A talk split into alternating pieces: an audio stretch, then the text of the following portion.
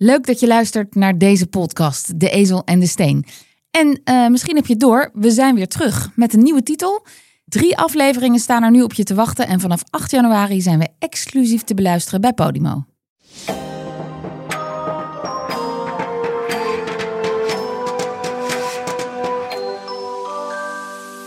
Dit is De Tijd zal het leren. Een podcast over gebeurtenissen van vandaag die schreeuwen om een vergelijking met gebeurtenissen uit de geschiedenis. Ik ben Lisbeth Staats, journalist, en ik zit hier met twee specialisten en liefhebbers aan tafel. Tim Jacobs, historicus en leraar geschiedenis in Heemstede. En godsdienstwetenschapper, archeoloog en veellezer Martine van den Berg laten ons in deze podcast zien dat actuele ontwikkelingen zo ontzettend lijken op de verhalen uit het verleden. Want eigenlijk is alles al een keer gebeurd.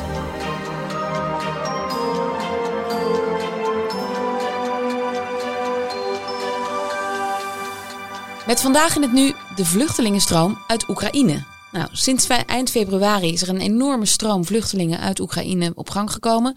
Totaal 14 miljoen mensen, waarvan uh, zes naar het buitenland zijn gevlucht, 6 miljoen. In Nederland zijn er ongeveer, nu, nu deze podcast opnemen, 27.000 uh, mensen binnen de grenzen. En 2 miljoen vluchtelingen zijn alweer teruggekeerd naar huis. En natuurlijk vooral voor diegenen die in het westen van Oekraïne wonen, want in het oosten is het nog steeds oorlog. En de anderen kunnen gewoon nog niet terug of, of hun huis is er niet meer. Hoe gaan we met ze om? Hoe worden ze ontvangen? Bijna zonder discussie lijkt het.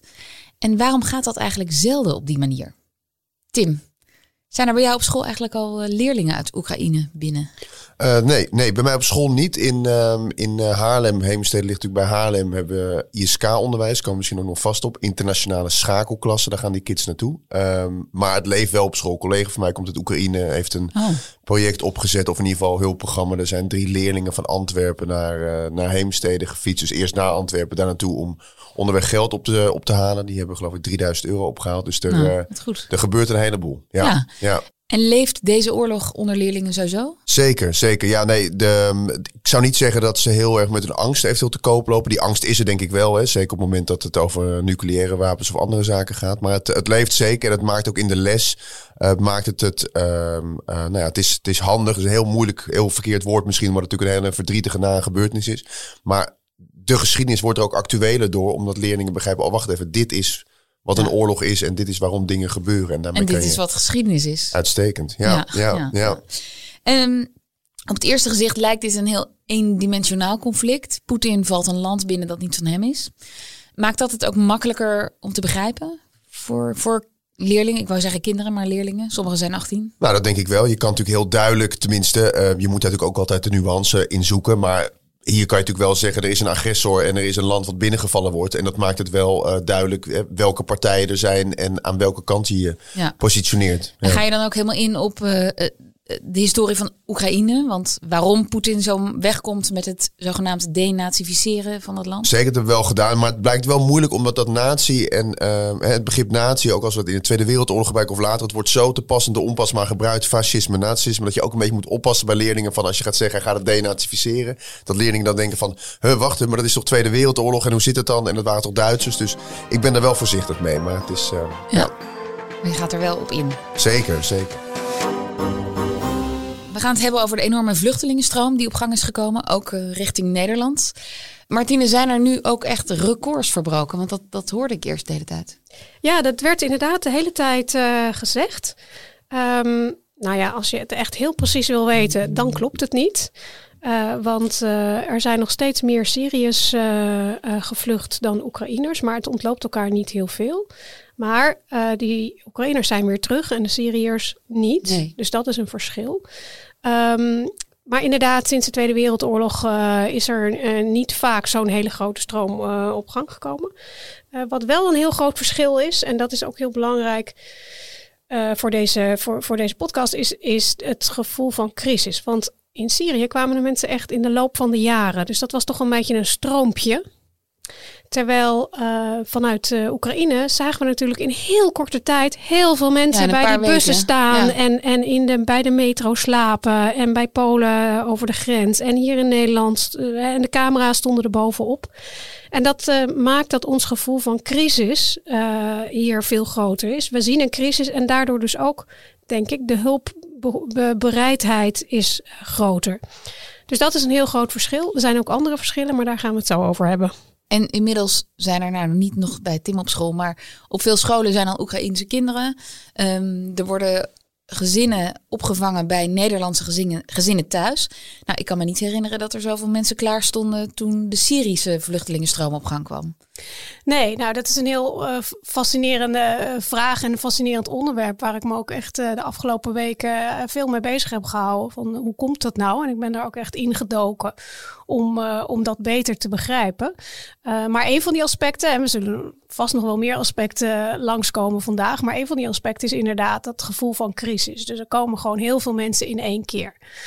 Um, wat ook meespeelt, uh, dat zijn, uh, dat zijn uh, gevoelens van ja, mensen zijn dichtbij. Je kunt er met de auto heen rijden. Dat is een ander gevoel dan dat je de zee moet oversteken. er is sprake van, van een heel duidelijke situatie, waar Tim het net ook over had, van een soevereine staat die wordt, wordt inge in, ingenomen. Dat is wat anders dan een burgeroorlog. Um, dus er zijn uh, een aantal objectieve aspecten, maar er spelen ook allerlei, allerlei gevoelens mee. En uh, ja, dat is eigenlijk wel heel interessant. Ja, nou daar gaan we het straks eh, zeker over hebben. En Giro 555 heeft uh, tot nu toe het één naar hoogste bedrag ooit opgehaald voor deze crisis. 160 miljoen. En het record is, is, is Azië, denk ik, tsunami. Tsunami? Oh, ja. Weet je nog hoeveel dat was? Dat durf ik niet te nee, Ik ben niet zo goed met getallen. Nee. Dat is niet, nou. Maar de vraag vandaag is: hoe gaan wij met de vluchtelingenstroom om in Oekraïne en waar doet dat ons aan denken? Tim, waar deed het jou aan denken? Nou, uh, meerdere dingen. Uh, Belgische vluchtelingen in de Tweede Wereld, uh, of sorry, bij de Eerste Wereldoorlog zijn er nou, bijna een miljoen, hè? Miljoen, echt miljoen ongelooflijk Belgen. veel. Miljoen Belgen zijn de grens overgestoken naar Nederland. Ik ben zelf in de gelukkige of ongelukkige omstandigheid, het is mooi hoe je het uitlegt, dat ik in een huis woon wat gebouwd is voor de woningnoodwet 1917. En dat had onder andere te maken met die enorme invloed of instroom van, van Belgische vluchtelingen. Dus geschiedenis is overal, blijkt me weer. Um, maar waar het mij en, en Martine uh, met name in eerste instantie aan deed denken. Wat relatief recent nog uh, is, is de Joegoslavische burgeroorlog. En uh, de vele, of in ieder geval die aantallen zijn niet te vergelijken. Tenminste nu nog wel. Um, van Joegoslavische vluchtelingen, Bosnische vluchtelingen. Die toen naar Nederland zijn gekomen. Daar, daar, daar sloegen wij gelijk op aan. Nou, ja. daar gaan we het over hebben. Want waarom dan wel? En waar gaat de vergelijking op? En waar ook niet. Um, Tim, kun jij eerst nog kort schetsen? Joegoslavië, dat, was, dat land bestaat niet meer, weten we. Maar hoe ging dat? Nou, Joegoslavië is... Um, ja, de atlas ligt ja, hier. Misschien kun je er nog even aanwijzen. Ik pak want... me even bij. We gaan het eventjes doen vanuit... Even kijken hoor. Hier. We gaan het even doen met de huidige staten. Eigenlijk kan je zeggen in het noorden uh, Joegoslavië, Slovenië. Nou, dat grenst aan Italië, dus ligt gewoon heel dichtbij. En in het zuiden, zeg maar, dus het loopt helemaal langs de, langs de kust uh, naar beneden. Hè, Balkan, Balkanregio, gebergte, veel bergen. En dan loopt het eigenlijk helemaal tot aan Albanië ongeveer. En in het oosten wordt het eigenlijk begrensd door uh, Bulgarije, uh, ja. Roemenië. Nou, het was een populair vakantieland. Het was voor mij in de jaren 70, 80 ontzettend populair vakantieland. Ook omdat het relatief uh, goedkoop was. Dat speelde ook altijd een rol. En het is daar gewoon prachtig trouwens. Ik ben er meerdere keren geweest. Het is, het is schitterend. Um, maar dat was een regio, echt, echt een etnische lappendeken. Kroaten, Serviërs, nou, Slovenen noemden we al. Bosniakken of Bosniërs. Dat is beetje lastig te definiëren, maar eigenlijk zeggen we gewoon dat zijn de moslims die daar wonen. Nou, hoe komen die daar? Het gebied is in de geschiedenis uh, bezit geweest van het Ottomaanse Rijk. Beetje de voorloper, nou ook weer wat nu meer genuanceerd gezegd van Turkije. De Habsburgers, Oostenrijk-Hongarije zijn er de baas geweest. En eigenlijk Joegoslavië ontstaat na de Eerste Wereldoorlog. Serven, Kroaten en uh, Slovenen zijn dan de grootste groep. En die Bosniërs die ertussenin uh, zitten. Dan krijgen we de Tweede Wereldoorlog. Dan zijn er een heleboel etnische, nationalistische twisten onderling. Je hebt een Kroatische beweging die uh, fascistisch is en collaboreert met de Duitsers als het door Duitsland bezet wordt. Daar vechten de Servische nationalisten weer tegen. Dat zijn de Chetniks. En dan hebben we En daar uh, komt vervolgens echt Joegoslavië uh, uit voort. Hoe wij het kennen van die vakantielanden die jij noemt. Hebben we de communistische partizanen onder leiding van Tito. Ik weet niet of je die naam ja. nog wat, uh, wat zegt. En het lukt hem eigenlijk om die Duitsers te verdrijven. En van al die nou ja, groepen, die etnische groepen, een federatieve republiek, republiek Joegoslavië te maken. Um, onder communistische, dus al die nationalistische, etnische dingen worden weggeveegd onder het, uh, onder het communistische ideaal. Nou, hij sterft in 1980 en dan komen de nationalistische tendensen op. De leiders van die, nou ja, van die deelrepublieken die gaan zich roeren. Bekende naam natuurlijk Milosevic. En dan in 1991 eigenlijk um, uh, nou ja, komt die crisis, die breekt uit. Slovenië scheidt zich af. Er wordt eigenlijk heel weinig oorlog om gevoerd. En dan breekt het conflict uit tussen nou ja, de Kroatische deelrepubliek, Servische deelrepubliek en de Bosniërs daartussenin. En dat is het meest diverse gebied waar moslims, Serven en Kroaten wonen. En hebben we dus die, nou, die verschrikkelijke burgeroorlog. Ja. Want ik herinner me die beelden nog wel van televisie. Ja. Maar ik kan me niet zo goed herinneren wat, wat uh, het idee was of wat, welke gevoelens er leefden toen die vluchtelingen naar ons toe kwamen. Um, nou ja, dat, dat, dat de beelden die ons geraakt hebben, in ieder geval een van de eerste beelden, was natuurlijk veel minder beeld dan nu. Hè. Laten, we dat, laten we dat vooropstellen. Uh, sociale media. de jaren 90. Ja, ja. ja hè, het was echt beeld wat alleen door journalisten uh, gemaakt werd. Nou, als die moeilijk binnenkwamen, dan, hè, of tenminste uh, echte journalisten, dan was dat, was dat lastig. En een van de eerste beelden die binnenkwamen bij ons, en dat weet Martine voor mij ook nog wel, um, waren die beelden van, van ja, een soort concentratiekamp eigenlijk in het. Servische deel van Bosnië, waar moslims en Kroaten werden vastgehouden. Ja, klopt. Um uh, Omarska heette het. Ja, ja ehm, wat, wat, ik, wat, ik, wat ook, ook een reden was dat er weinig beeldmateriaal was, zeker in Nederland, was dat het conflict ook ongelooflijk ingewikkeld was. En dat is even om het even terug te grijpen naar Oekraïne. Um, in de media heb je natuurlijk nooit heel veel tijd om iets uit te leggen. Dus het is handig als er een good guy en een bad guy is. En in het conflict in uh, Joegoslavië was dat aanvankelijk ongelooflijk moeilijk. Want wie, wie, wie was er tegen wie? Het was een ingewikkeld conflict. Het was moeilijk te begrijpen.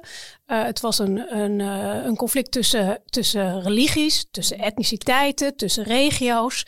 En uh, dat vereist natuurlijk steeds heel veel uitleg. En dat is niet waar de nieuwskijker op zit te wachten.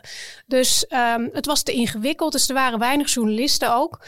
En dat veranderde precies toen die Engelse documentairemaker bij Omarska, dat dorpje, dat kamp ontdekte. Waarvan de Serviërs zeiden: dat is een kamp waar we inlichtingen proberen in te winnen over de, de Bosnische moslims. En uh, toen ze daar aankwamen, toen zagen ze dus mensen achter prikkeldraad. En het was een enorm ingrijpend beeld. Want wat ze zagen waren mannen in de brandende hitte, uh, in, uh, in hun blote bovenlijf, met, met, met hun ribben uitstekend. Ja, luisteraars moeten echt misschien die beelden maar eens gaan opzoeken. Want ja. het, deed mij toen de tijd en nu nog steeds als die foto's opzoeken. doet gewoon heel erg denken aan, aan, aan de holocaust, aan, aan, aan, aan ja, foto's daarvan. Ja. En dat was ook de reden dat Duitsland als eerste land zijn grenzen Want die zagen die uh, beelden en die waren zo, de, de parallel was zo duidelijk ja. dat het ook direct de naam concentratiekamp kreeg. En dat was eigenlijk nooit eerder vertoond sinds de Tweede Wereldoorlog. En dat, dat schudde eigenlijk heel Europa wakker en Duitsland als eerste. En die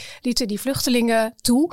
En toen moest Nederland natuurlijk ook iets gaan doen. En toen ontstond er een soort uh, uh, omslag in uh, de publieke opinie en ook in de media coverage. Want die media coverage was heel neutraal. En toen ineens werden de Serven de bad guys. Ja, ja. En de, Bosni de, de Bosnische moslims. Toen klopt het narratief. Toen, toen hadden toen ze een scherp verhaal. Ja. Wat, wat relatief makkelijk uit te leggen was. En dat zorgde er ook voor, net als nu bij de Oekraïne, dat mensen heel makkelijk hun hart konden openen en hun huis konden openen. Want ja, op zo'n moment uh, weet je gewoon dat je aan de goede kant staat. En ja. zolang dat onduidelijk is, vinden mensen het veel moeilijker om ruimhartig en solidair te zijn. En er is één verhaal uh, wat jij mij uh, al eerder vertel, vertelde over. Ik moet even zijn naam goed uitspreken. Hassan, en wat was de achternaam?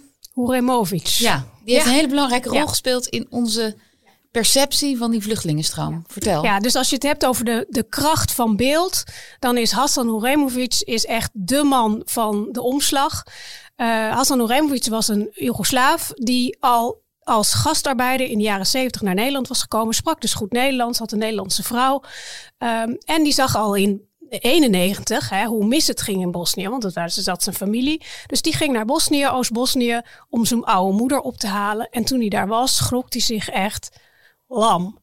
Want wat hij daar zag, was iets wat hij dus niet op tv had gezien. Het was gewoon echt zoveel ellende en, en, en groepen mensen die al werden vervolgd en mensen die in die kampen werden gezet.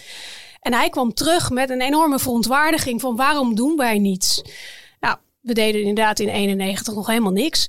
Uh, vervolgens ging hij weer uh, erheen om andere mensen op te halen. En dat werd groter en groter. En op een gegeven moment stuurde hij tientallen bussen. Nee naar uh, Bosnië. Op eigen houtje allemaal. Op eigen houtje om daar mensen op te halen. En toen ontdekte de media Hassan Oremovic. Die werd geïnterviewd.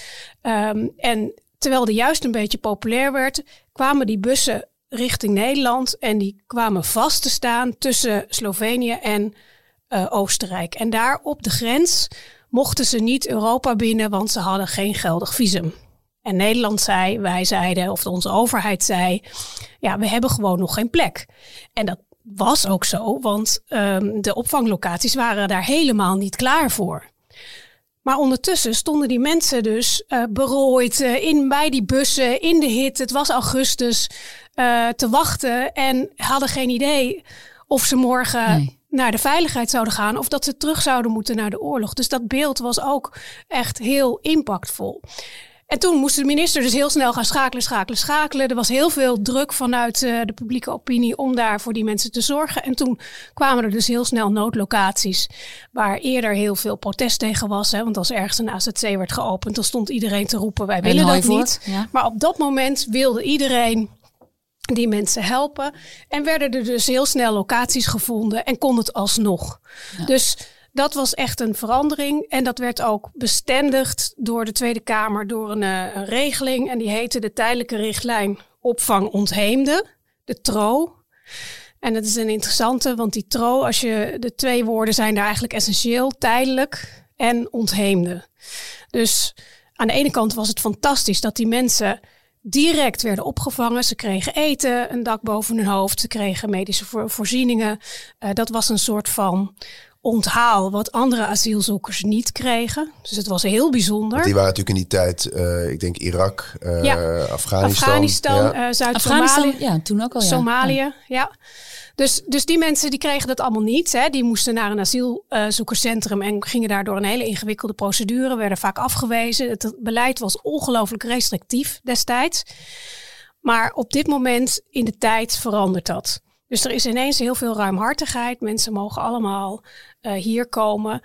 Um, en dat is hartstikke mooi. Uh, maar het feit dat het onder een tijdelijke regeling gebeurde, betekende ook dat de verwachting was dat die mensen snel weer terug zouden gaan. Dus op het moment dat de oorlog over was, uh, in, in eind 95, werd er geacht dat die mensen weer naar huis gingen. En dat dus bleek alles, in de praktijk. Duurde vijf jaar, was het idee. Dus je kreeg hier uh, opvang voor vijf jaar. Ja, en even om terug te gaan naar de Oekraïne. De EU heeft dus een regeling uh, nu in werking gesteld die voor een jaar geldt. En ja. in dat jaar mogen Tijdelijke, mensen... Tijdelijke beschermingsrichtlijn Precies, heel goed. EU. Ja, dus die tijdelijke regeling die is feitelijk bedacht in de tijd, eigenlijk na de, de crisis met, uh, met de Bosnische vluchtelingen, is nooit eerder ingezet. Dus tijdens de Syrische burger, uh, tijdens de Syrische burgeroorlog en de vluchtelingencrisis, die voor de EU enorm impactvol was, is die niet ingezet.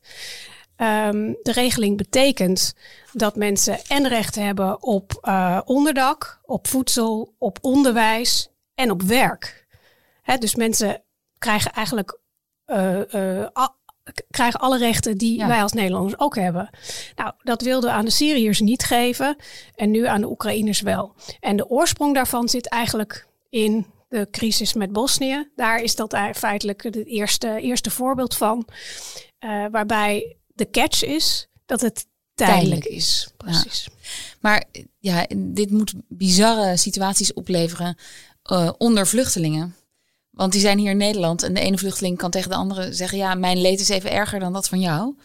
Want ik krijg hier alles. Nou dat was, dat was, dat was, bij, dat was dus in Bosnië ook. Hè? Dus wat, wat, wat, wat Martine net zegt, um, uh, met die tijdelijke staats op het moment dat die vrede getekend wordt, 95, uh, eind 95 in Dayton, dan wordt dus inderdaad gezegd, eigenlijk wat je net aangeeft, nou, uh, mensen kunnen weer weg. De Nederlandse overheid liep daar best wel in voorop. De, de UNHCR van de VN had gezegd van, nou, neem daar ongeveer, we, voorzien nog geen terugkeer binnen twee jaar. Terwijl in de Kamer werd al geroepen, lang niet door iedereen hoor, minderheid. Maxime Verhaag onder andere, vond ik wel interessant dat die daar van CDA, waarvan toch gezegd wordt dat hè, solidariteit, denk aan je naaste, afijn. Um, werd daar gezegd, die mensen moeten weer terug. En dat had dus inderdaad tot gevolg dat als asielaanvragen bij de IND, als die niet helemaal chronologisch liepen, dat het dus kon dat mensen, in, mensen inmiddels een A-status hadden gekregen dat ze mochten blijven. En dat andere mensen in een soort nou ja, tussenfase zaten. En als je die A-status nog niet had, dan moest je dus snel mogelijk weg. Dus een moeder die eerder was binnengekomen naar dochter, heb ik een voorbeeld van gelezen. Die moest weg, terwijl die, terwijl die dochter, dochter al een A-status had. Nou, dus, dus dat leidt ook allemaal tot juridische onzekerheid. Nou, je geeft net ook al aan vluchtelingen uit andere landen die denken van, uh, uh, oké, waarom die voorkeursbehandeling, waarom niet? Nou, hè, misschien ook heel moeilijk om daar, en misschien moet het ook helemaal de moreel oordeel over te vellen, maar het is natuurlijk wel wel uh, onzekerheid, ja. juridisch, wie wel, wie niet. Um, ja, opvallend. Maar, maar is dan nu met die tijdelijke uh, beschermingsrichtlijn, ja, zo zeg ik het goed, van de EU, is dus ook het idee van, nou, dat conflict, dat, dat wordt opgelost op de een of andere manier. Um, maar op, in elk geval op een manier waardoor al die vluchtelingen weer terug kunnen.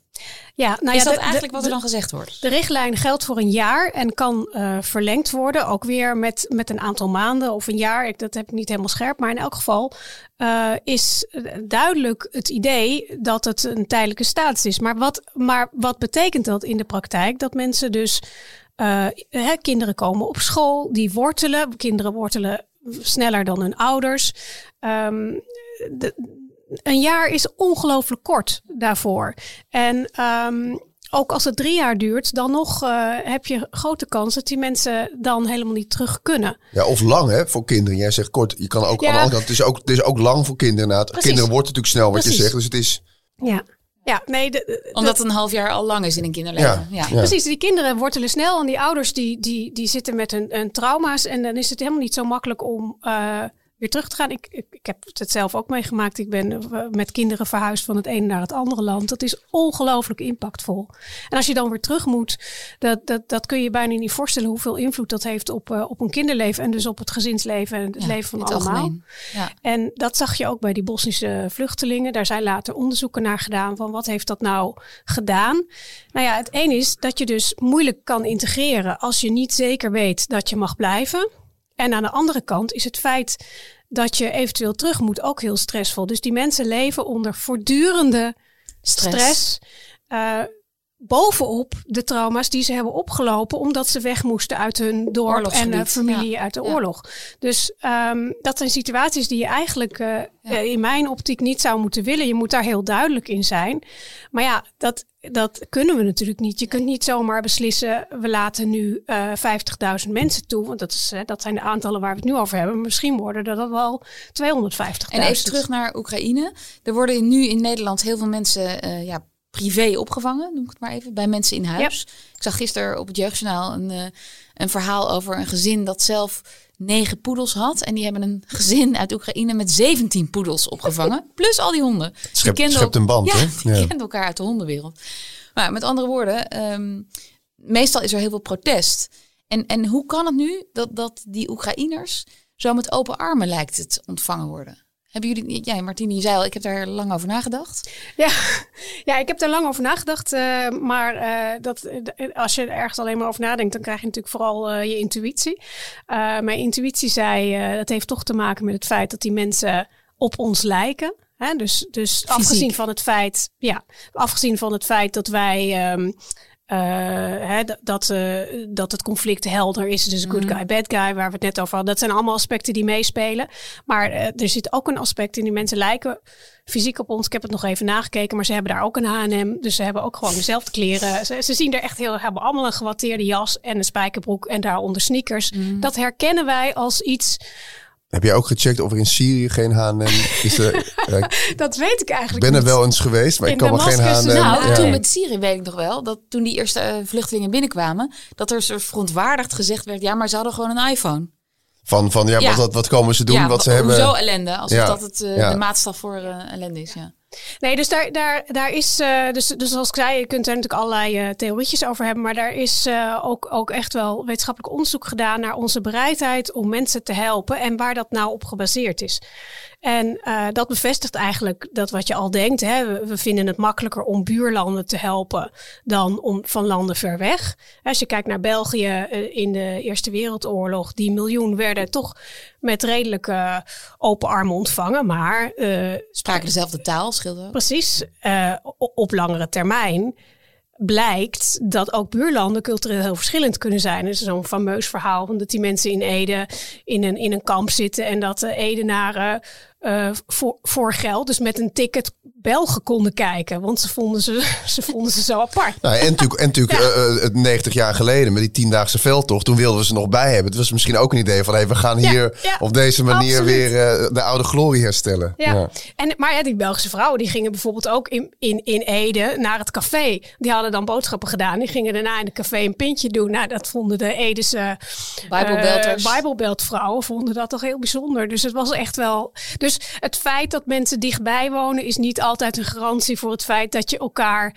eh, ehm, kan, kan lezen en schrijven met elkaar. Nee. Dus de, de culturele verschillen kunnen ook in heel kleine dingen zitten. En dat, ik denk dat mensen zich daar ook wel een beetje in verkijken als ze mensen in huis nemen. Maar jij zegt wel, dat goed, helpt wel voor de eerste af. keer als je de deur openzet. Precies. Dat doe je dus kennelijk Precies. sneller voor dus mensen die op aanvankelijk je lijken. helpt het precies als mensen eh, dichtbij wonen. Het helpt ook als mensen dus culturele eh, op elkaar lijken. Dus wij denken Oekraïners zijn ook christenen.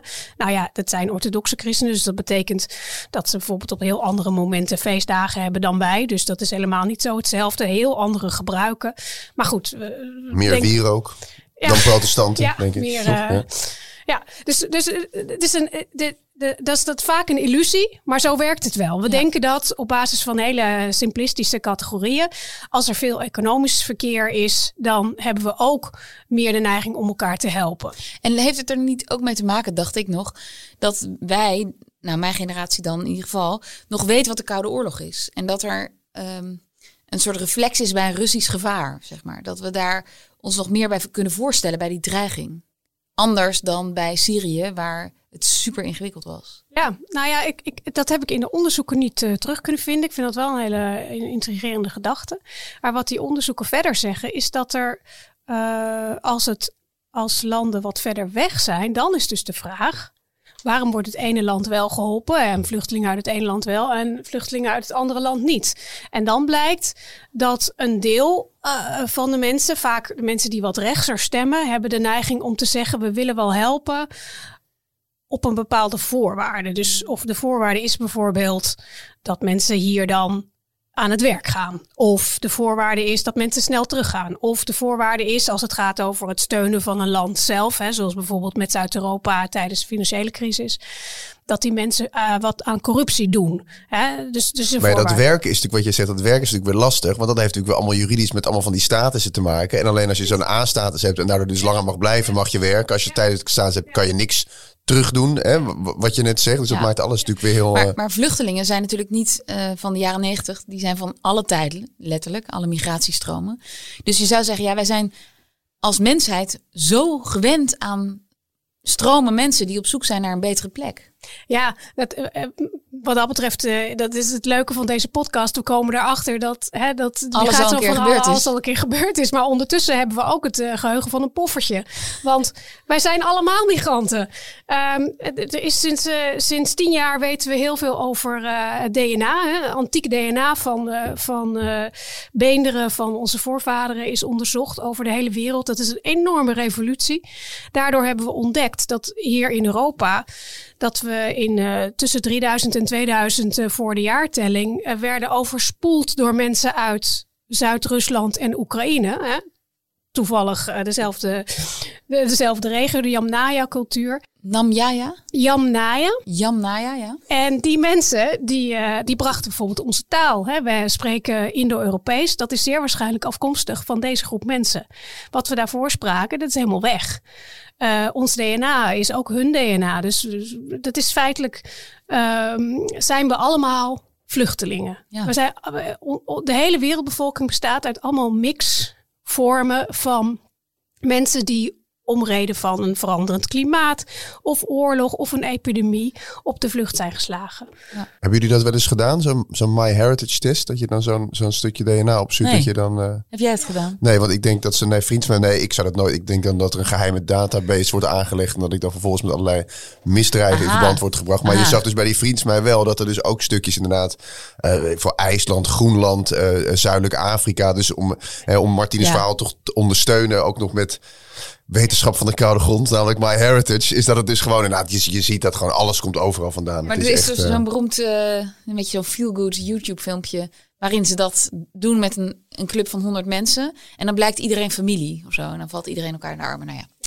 Op een sombere dag moet je dat kijken en dan geloof je weer helemaal in de mensheid. Ja, nee, maar, dat, maar dat, het, het jammer is dat we ons dat dus niet herinneren. Dus we hebben dat wel, we dragen dat wel met ons mee. Maar wij denken, en dat zie je natuurlijk vooral bij allerlei populistische uh, uh, partijen en ideologieën, dat er zoiets bestaat als um, lokale bevolking. Dat is de bevolking die daar altijd al woonde. Maar wij woonden niet altijd hier. Ik bedoel, wij is sowieso al een heel. Uh, uh, is een narratief, is niet, is niet een werkelijkheid. Uh, iedereen ging van plaats naar plaats, simpelweg omdat de wereld nou eenmaal op het ene moment kun je ergens wonen, op het andere moment kun je er niet meer wonen. Ja. En, dus, en de uittocht uit Egypte, dat wordt nog jaarlijks gevierd in het Jodendom. Dus ja, dus, ja, dus het is leuk dat, je daar, dat ik daar als uh, religiewetenschapper nog even naar terug mag. Dankjewel. Ja, nee, de, de, hè, de uittocht uit Egypte, dat begon natuurlijk. Waarom was er een uittocht? Omdat er ook een intocht was. En die intocht was ook omdat, uh, en dat is inmiddels ook wel bewezen, dat in die tijd uh, een periode van droogte aanbrak. Waardoor de volken in het Midden-Oosten op drift raakten. En het zou best kunnen dat het Bijbelverhaal uh, daar uh, op teruggaat. Dus er gaan groepen mensen die doorgaans uh, nomadisch kunnen leven. Als het de hele steppen uitdroogt, mm. dan, dan, dan kun je dat, nee. die leefstijl niet meer volhouden. Dus die mensen trokken dan naar Egypte. Want Egypte was een, een georganiseerde staat met centrale voedselvoorziening. Dus daar kwamen dan heel veel mensen van buitenaf af, op af. Ja. En die gingen naar Egypte. En die werden daar goed ontvangen. Totdat er in Egypte natuurlijk ook niet meer genoeg eten was. En wat krijg je dan? Dan moeten de vreemdelingen, die moeten oprotten. Maar ja, dat, dat deden ze niet. Dus dat, dat werden slaven. Dus het zou best kunnen dat het bijbelverhaal van de slavernij in Egypte teruggaat op een dergelijke uh, werkelijkheid die, uh, die ook ja. wel, uh, wel aantoonbaar is in, in Egypte. En dat gold trouwens ook voor voor Mesopotamië. Dat was zeg maar de steden die trokken in tijden van droogte altijd allerlei mensen aan die van buiten daar aankwamen. En, en dat was dan prima, totdat, het, totdat daar de druk ook groter werd. Ja, en dan uh, wilden ze weer dat die mensen naar huis gingen. En hoe denken jullie dat dat nu zal gaan met de Oekraïners? Tim, dat, dat die nu zo nou ja, gastvrij ontvangen worden, lijkt het? Ja, dat is natuurlijk, Hoe lang is houden we dat vol? Nou, dat is natuurlijk interessant om te kijken of daar dus hetzelfde gaat gebeuren als wat met, uh, met de Bosniërs gebeurd is. Dat het dus op een gegeven moment dat nu iedereen met zijn, uh, met zijn deur open staat. Nou, of die deuren dicht gaan is nog maar de vraag. Maar in ieder geval op een gegeven moment, wat, wanneer is het daar weer veilig? Dus, en en ja. willen we dan dat die mensen snel weggaan? Wat gebeurt met mensen die geworteld ik zijn? Ik lees al de eerste interviews van mensen die zeiden... ja, het was toch niet zo'n goed idee om uh, een Oekraïens gezin uh, in huis te nemen... of een Oekraïense uh, opa. En, Nee, maar, dat, en, maar ook dat is weer van alle tijden. Want toen, in, toen de Bosniërs kwamen... heeft Vluchtelingenwerk ook een gigantisch netwerk opgebouwd... om gasgezinnen te maken. De telefoon stond rood gloeiend, heb ik me laten vertellen. Dus heel veel mensen wilden dat. Nou, maar goed, je kan iets willen, maar ken je de consequenties? Je doelt misschien op dat verhaal. Onder andere wat in de media was in Hillegom. Hè, dat dingen op, op allerlei manieren natuurlijk kunnen botsen. Dat denkt, oh, kleine even. culturele... Ja. Of je wel niet op je, op je kamer eet. Nou ja, goed, dus, Ja. dus, dus dat gaat natuurlijk sowieso gebeuren. Maar ook, hè, wat gebeurt er met, met, met kinderen die dan op een gegeven moment, hè, waar we het over hadden, die geworteld zijn. Eh, ik zie eh, Tim Hofman over vijf jaar natuurlijk weer bij, bij, bij, bij op één of waar dan ook zitten om, om, om een generaal pardon af te kondigen. Omdat we natuurlijk dan eh, weer hetzelfde aan de hand is. Omdat er allemaal kinderen hier zitten die we met alle liefde hebben opgevangen. En terecht ook volgens mij. Maar het vervolg weten we niet. Of wordt niet goed over nagedacht. Of is te moeilijk om over na te denken. Dat weet ik ook niet. Maar dat, zijn, uh, ja, dat, dat gaat natuurlijk weer gebeuren. Ja. Nou, ik denk dat er vooral ook een, uh, een angst is om direct um, niet alleen gastvrij in het moment te zijn, maar ook gastvrij naar de toekomst toe. Want ja. dan, dan heb je natuurlijk ja, de kans dat bepaalde ja. partijen zich daar even tegen gaan verzetten en gaan roepen: ja, maar wij hebben al woningnood en hoe moeten we die mensen dan ook nog? Maar ja, uiteindelijk is toch uh, gastvrijheid niet iets van één dag. Als je gastvrij bent, moet je ook bereid zijn om dat over langere tijd vol te houden. En dan is het misschien niet heel verstandig om mensen in je huis te nemen, omdat je weet dat, dat je dat niet. Dat ja, is heel menselijk dat je dat niet heel lang uh, kan volhouden. Die woningnood is natuurlijk wel interessant. Want aan de ene kant heb je die woningnood. Tegelijk heb je ook uh, het tekort aan, aan, aan, aan arbeidskrachten. Dus ja, dat is, uh, is fascinerend. Ja. kan dat elkaar opheffen? Dus daar zijn ze natuurlijk wel welkom, ja. welkom. Ja, ja want dat, dat, dat is denk ik ook een van de redenen. Dat, ehm, dat er vanuit de overheid en zeker ook vanuit de EU. Hè, want de EU is feitelijk degene die die tijdelijke beschermingsrichtlijn heeft, heeft ingesteld dat het redelijk makkelijk, uh, uh, unaniem zelfs werd aangenomen. Dat er gewoon uh, in heel Europa weinig werkloosheid is op dit moment. Ja. Maar ja, dat soort dingen kunnen natuurlijk veranderen. En als dat verandert. En wij zitten, dan over? Jij, jij noemde net die woningnood. Wij zitten hier aan tafel over de vluchtelingenstromen in het grotere perspectief te spreken. Maar tegelijkertijd is woningnood natuurlijk wel een heel actueel probleem en heel urgent voor sommige mensen. Dus ik snap heel goed dat uh, als je de, de, de brede en de wijde blik op dit uh, thema legt, dat het allemaal niet zoveel voorstelt. Of dat het heel logisch is dat dit gebeurt. Maar ik kan me ook voorstellen dat mensen wel bang zijn voor hun baan als er heel veel werkloosheid was of zo. Dat, zijn, dat, dat gaat niet weg natuurlijk. Ook niet als mensen op ons lijken of als de cultuur op ons lijkt.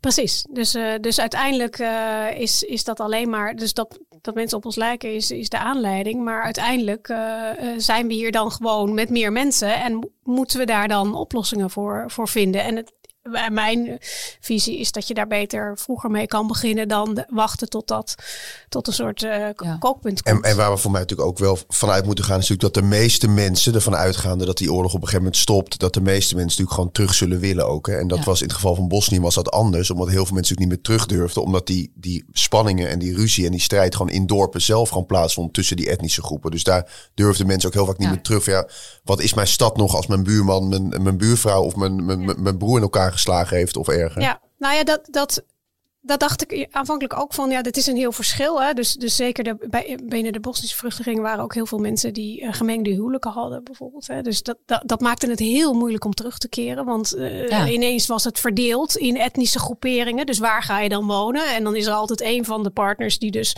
uh, gediscrimineerd wordt. Uh, en in Oekraïne zou je denken dat dat makkelijker is, want dat, daar heb je dat issue niet. Maar je hebt natuurlijk wel uh, een kans, nou, nou, nou, heb ik daar geen verstand van, maar je hebt natuurlijk kans dat daar in het oosten van de Oekraïne, um, dat daar Russische invloed misschien wel blijft. Hè? Dat dat misschien een onderhandelings punt wordt. En als jij dan in de Oosterse Oekraïne woont, wil je dan terug? Nou, nou niet, waarschijnlijk niet. Nee, Dus we zullen toch rekening moeten houden met het feit dat mensen hier willen blijven. Tim, ik vraag je iedere week wat de leukste, beste of uh, nou ja, opmerkelijkste vraag uit de klas was deze week. Wat was die? Dat, de beste vraag was een goede vraag. We hadden het over de kruistochten en dat je daar van verschillende standpunten naar kon kijken. Dus dat moslims daar anders tegenaan kijken natuurlijk dan de christelijke kruisvaarders. Of het een heilige strijder van de oorlog is. En nu vroeg een meisje van, hey, hoe kan het dat Poetin dit geen oorlog noemt en de mensen in Oekraïne wel? En dat vond ik, dat was een meisje uit de eerste klas. Daar was dus goed over nagedacht. Historica um, aan de dop. Ja, nou ja ik, ik, ik hoop het. Ik gun het er van harte. Prachtige carrière. um, uh, nee, dus dat was een hele, hele goede vraag waar we er volgens ook over konden praten. Van, hey, geschiedenis is dus niet hè, vaststaand iets maar wat wij nu ook doen, dan kun je met allerlei verschillende blikken naar kijken. En uh, nou ja, de waarheid bestaat uh, misschien wel niet. Nee. En Martine, jij uh, leest ongelooflijk veel. wat was het beste of het, nou ja, wat, wat wil je vertellen? Wat heb je meegemaakt? Nou, ik, ik uh, las uh, een boek uh, van Philip Roth. Niet een van zijn bekende, dus een bekende Amerikaanse schrijver, maar het boek Nemesis. En Nemesis gaat over de polio-epidemie. En je zou denken, wie wil het nu nog over een epidemie hebben? We zijn pandemie moe. daar daar willen we nooit meer over nadenken. Maar goed, ik zou natuurlijk geen historicus zijn als ik, dat, als ik me daar aan ging houden. Ik ben er juist voor om het daar nog wel over te hebben. Uh, nee, het, was, het is een, prachtig boek, omdat het gaat over, over polio in de jaren 40 uh, tijdens de oorlog uh, in, in Amerika. En wat ik vooral zo fascinerend vond, was dat het eigenlijk gaat over hoe ga je achteraf om met de schade die zoiets heeft aangericht. Het is, het is enerzijds persoonlijk, hoe ga je ermee om als je partner enorm is veranderd. Hè. Het is eigenlijk een liefdesverhaal. Ga je ermee om als, als, als je, je, je vriend, vriendin gewoon een ander is geworden door zo'n trauma? En aan de andere kant is het ook de vraag, hoe ga je er als samenleving mee om? Hè? De samenleving gaat gewoon verder, maar er zijn wel mensen die heel erg geraakt zijn door zo'n pandemie. En die moeten ermee dealen. En, en de rest wil vergeten. Hè? Want, want we, we, we rakelen hier allerlei uh, geschiedenissen op. Maar eigenlijk is de reflex vaak, als iets ergs voorbij is, dan gaan we naar de toekomst kijken. en dan willen we daar het nooit meer over hebben. Maar er zijn altijd een paar mensen die wel geraakt zijn en die kunnen dat niet meer vergeten. En daarom vond ik het zo ontzettend ontroerend boek en ook eigenlijk ook ontzettend actueel weer uh, voor het nu. Philip Roth, Nemesis. Nemesis. En, verder lezen, als ik, als ik via nog de mogelijkheid krijg, Lisbeth, om wat... Uh, heel om wat, nee, heel goed. Nee, verder lezen over, over Bosnië en Joegoslavië. Heel bekend werk, Ivo Andrić, Bridge over the Drina. Geeft echt een heel mooi beeld gewoon van uh, de Joegoslavische uh, aard. En meer over het conflict. The Book of Lives van Alexander Hiemen gaat over een uh, Bosnische jongen die opgroeit in communistisch Joegoslavië. En in zijn, nou ja, zijn, zijn ontwikkelingsjaren dat land uit elkaar ziet vallen en wat hij met de familie doet. Heel, mooi, heel mooi boek. Goeie tip. Dit was Vandaag is Geschiedenis. En uh, abonneer je vooral om nooit een aflevering te missen. En laat een review achter.